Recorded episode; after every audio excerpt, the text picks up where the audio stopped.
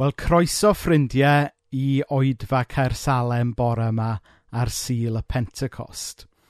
Dwi'n cael y fraint o arwain yr addoliad bore yma a hynny o'n swyddfa i sydd wedi troi yn fwy o stiwdio yn ystod y lockdown. Uh, Dwi'n diolch i bawb sydd wedi bod yn arwain yr addoliad dros yr wythnosau diwetha um, a'n rhoi yw e bore yma. Fyddwn ni'n clywed mwy ynglyn â beth yw addoli gyda'n gilydd nes mlaen wrth bod Robin yn rhannu gyda ni. Ond gan i fod hi'n sil y Pentecost, gadewch i ni ddechrau bore yma drwy wahodd yr ysbryd glân ata ni.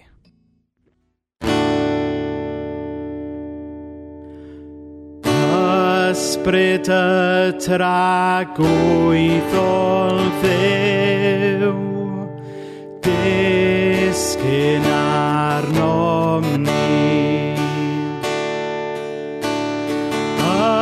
Asprita tra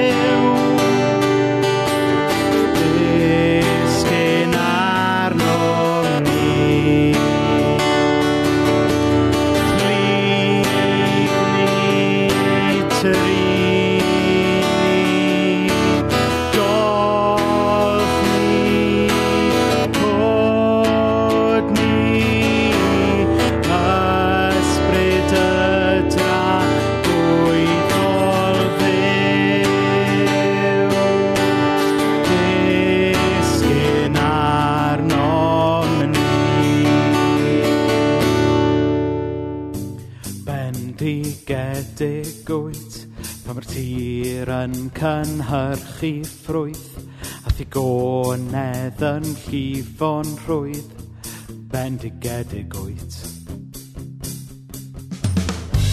Bendigedig wyt, am y byd fel di ffeithwch i'm, rwy'n crwydro'r anialwch grin, bendigedig wyt.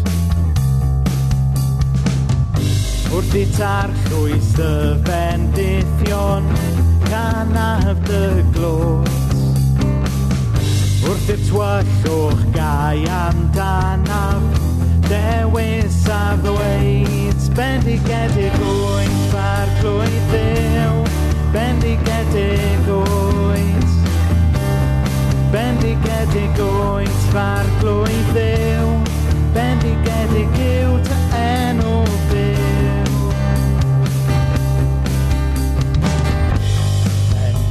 38 Pan mae'r hael yn tywynu'n braf. Mae'r byd fel y dylai bod Bendigedig wyt Bendigedig wyt Pan mae'r dioddau ar baich yn drwm. Yn bod poen yn yr offrwm.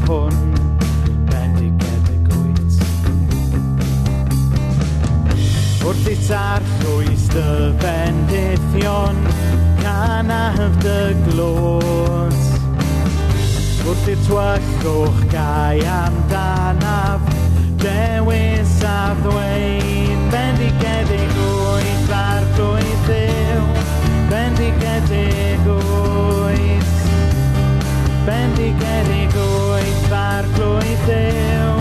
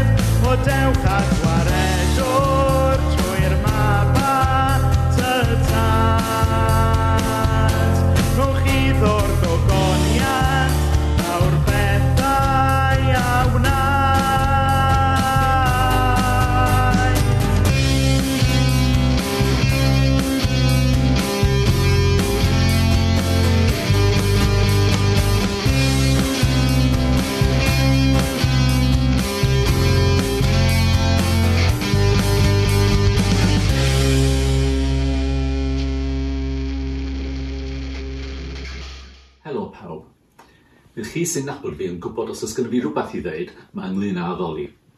So dwi jyst eisiau siarad ynglyn â'r her o addoli yn ystod lockdown. Sut ydym ni'n addoli pan da ni ddim yn gallu canu efo'n gilydd? Dwi'n lyfio ceddoriaeth, addoli a bod efo'n gilydd a canu, a canu mawl. A mae yna frustration bod ni ddim yn medru wneud hynny. Ond mae yna gyfle hefyd i gamu mewn i gyfarfod Dyw mewn ffyrdd dwfn sy'n newid yn bywydau. Mae ddoliau beiblaidd byth jyst ynglyn â'r awr dan ni efo'n gilydd yn y capel, er fod hynny'n bwysig. Dyma fy hoff adnodau, Rhufeiniad 12, 1 a 2. Da chi wedi clywed nhw ganddo fi o'r blaen, a maen nhw ymlyn a bod yn aberth byw. I roi ddiw ein cyrff, ein meddyliau, ein calona, 24 awr o bob dydd. Dwi'n licio disgrifio fo fel rhoi ein serch, uh, fy affection, tuag at Dyw. Ond be mae hynny'n feddwl? A sut mae hynny'n gallu edrych?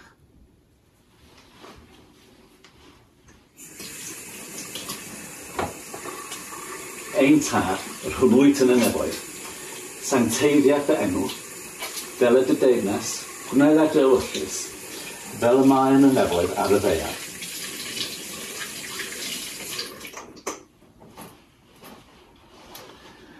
Da ni wedi cael ein gofyn i folchi yn dwylo beth bynnag chwech gwaith bob dydd. Ac ar ddechrau lockdown, cafodd ei awgrymu i ni adrodd gweddi'r arglwydd am ei fod yn cymryd y 20 eiliad sydd angen i folchi dwylo, ac i droi sylw tuag at ddiw ar yr un pryd. Felly mae'r peth cyntaf dwi eisiau dweud ynglyn ac e, e, intentionality, bod yn fwriadol. Cwbl o flynyddoedd yn ôl, yn fy ngwaith, nes i gysidro lle mae'r llefydd fedra i yn fwriadol troi fy serch tuag at Dyw. Fy man cyfarfod i efo fo. Wel, be dwi'n neud rhwng bob claf?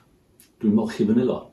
Felly, nes i benodi y sgwar o gwmpas y sinc fel y man cyfarfod lle fedra i gydnabod Dyw am pwy ydi o, derbyn ei wen drosto fi, dod â'r claf dwi'n newydd weld eto, ar, ar un dwi am i weld, a gofyn am ddwythineb am y deg munud nesaf. Mae Dyw efo ni trwy'r amser. Naeth o addo byth i adael ni. A mae'r ysbryd glân yn llenwi ni. Ond yn, yn yr eiliadau bwriadol yna, dwi'n troi fy serch tuag at Dyw a derbyn ganddo fo. Lle mae'r llefydd yn eich catra fedrwch chi ddynodi fel lle fedrwch chi mewn ffordd bwriadol troi eich serch tuag at Dyw a derbyn ganddo? Ac os da chi'n gweithio rhywle arall, lle mae'r llefydd yn eich gwaith, fedrych chi ddynodi fel y lle fedrych chi droi eich serch yn fwriadol tuag at Dyw a derbyn ganddo. Cymerwch amser i feddwl ynglyn â lle a sut da chi'n cysylltu efo Dyw a sut fedrych chi gysylltu efo fo yn ystod y dydd mewn ffordd sy'n realistig ond fwriadol hefyd. So mae ddoe fel moment o gysylltiad yn rhoi iddo fo ac yn derbyn ganddo fo. Hwn allan o Ioan 13, mae'n stori gyfarwydd. Gwydda Iesu fod y tad wedi rhoi popeth yn ei ddwylo e. Roedd wedi dod oddi wrth ddiw ac roedd yn mynd yn ôl at ddiw. Cododd oddi wrth y bwrdd, tynnef antell allanol a rhwy mae tywel am ei ganol. Yna, tylldodd ddŵr i fylen a dechrau golchi traed ei ddisgyblion, a'i sychu gyda tywel oedd am ei ganol. Pan ddaeth tro Simon Peter, dyma Simon yn dweud, Arglwydd, ti'n golchi fy nhraed i? atebodd Iesu, ti ddim yn deall be dwi'n ei wneud ar hyn o bryd, ond byddi'n dod i deall yn nes ymlaen. Ond meddwl Peter, na, byth, cei di ddim golchi fy nhraed i. Os gai ddim dy olchi di, meddwl Iesu, ti ddim yn perthyn i mi. So gwradewch ar be mae Iesu'n dweud yn uh, Passion Translation. But Peter, if you don't allow me to wash your feet, Jesus responded, then you will not be able to share life with me. So dwi'n stopio'r stori mewn lle gwahanol i, i da ni yn fel arfer, i ni gael feddwl ynglyn, ynglyn â beth sy'n cael ei ddweud. Dyma oedd Pedr yn anrhydeddu Iesu, felly oedd hwn yn foment lle oedd Pedr yn addoli Iesu. Ac oedd o'n horrified fysa ei feistr yn gwasanaethu fo a golchi ei draed. Ond dywedodd Iesu fod rhaid i Pedr dderbyn a fysa fo ddim ond yn cael rhannu yn ei fywyd os di o'n derbyn yr act yma o wasanaethu ganddo fo. So mae ddoli yn edrych ar ddiw ac anrhydeddu Dyw a derbyn ganddo fo. Da ni gyd yn lyfio bod yn bobl sy'n rhoi. Rhoi mewn caneuon i ddiw, rhoi trwy wasanaethau ein cymdogion, ein ffrindiau, fel mynd i siop iddyn nhw.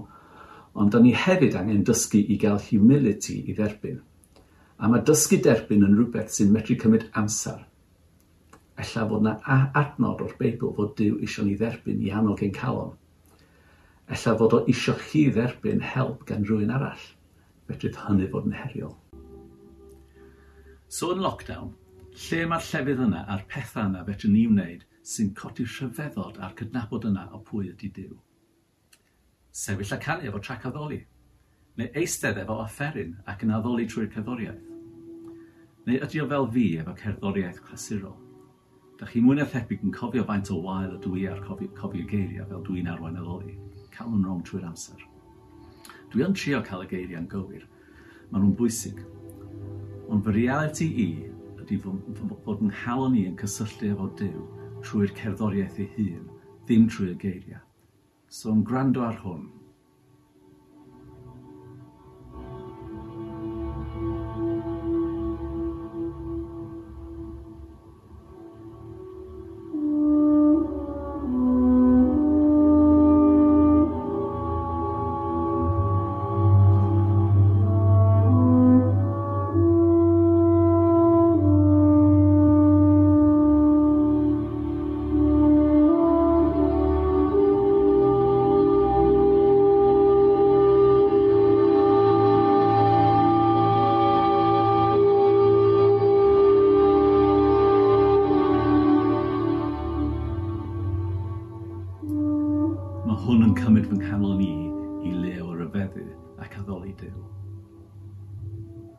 ydych chi'n darganfod Dyw yn yr ardd?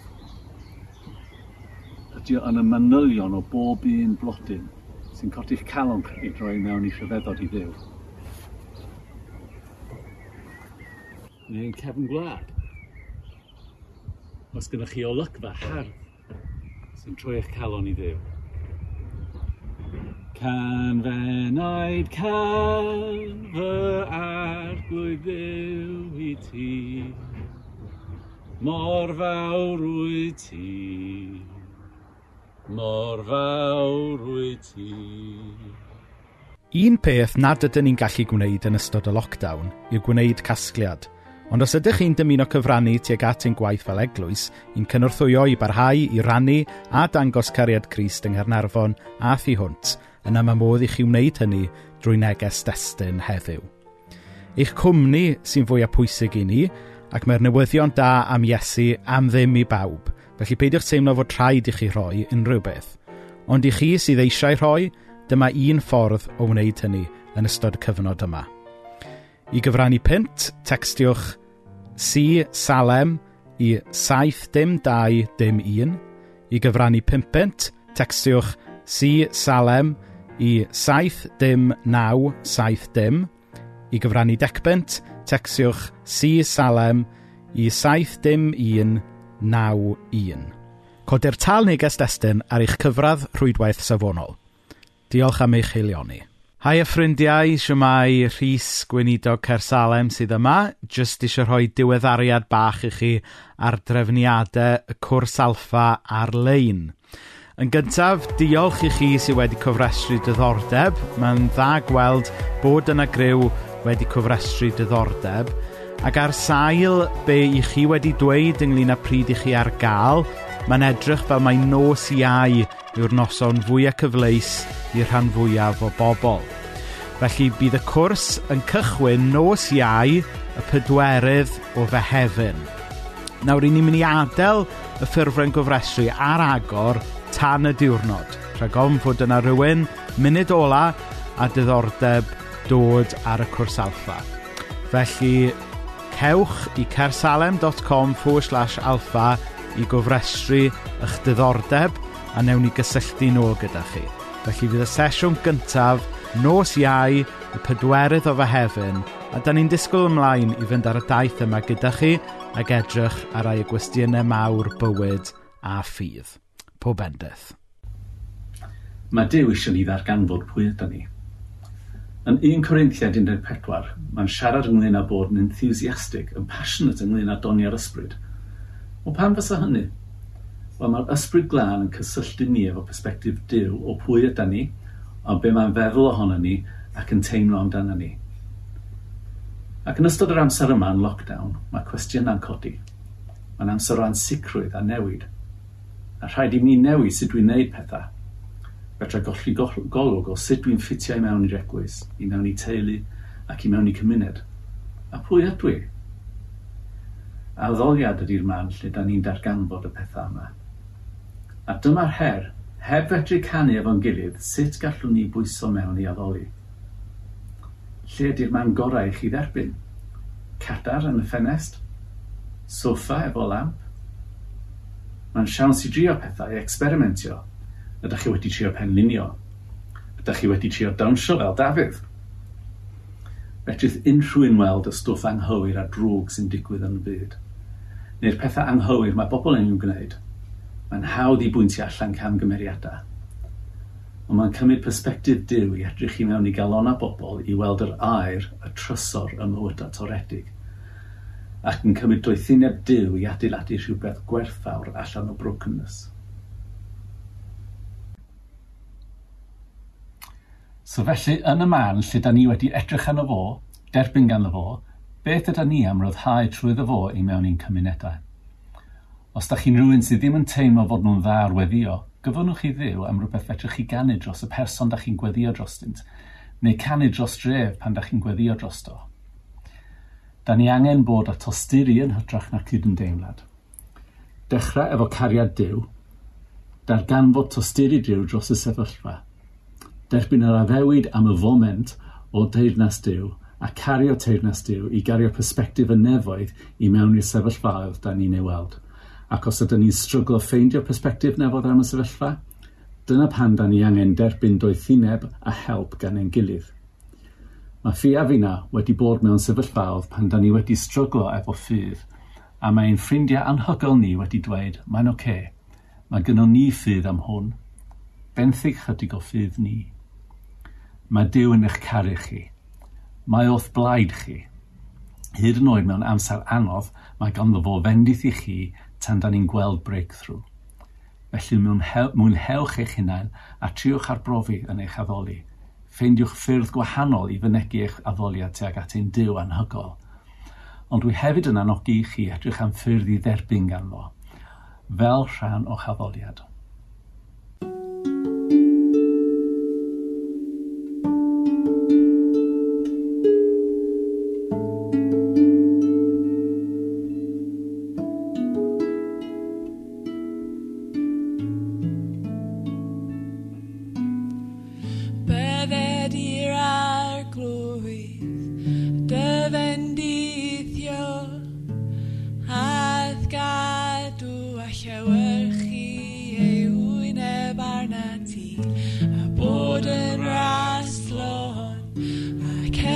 dejar.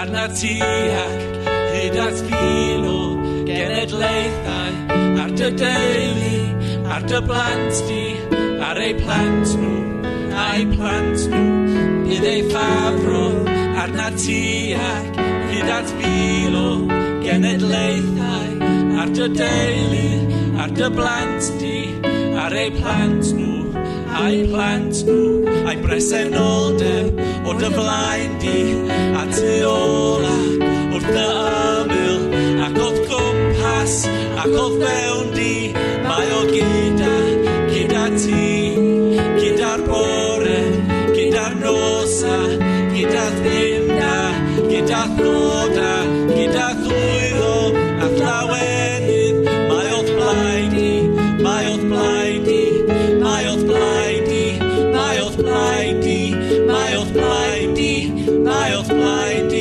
miles blind.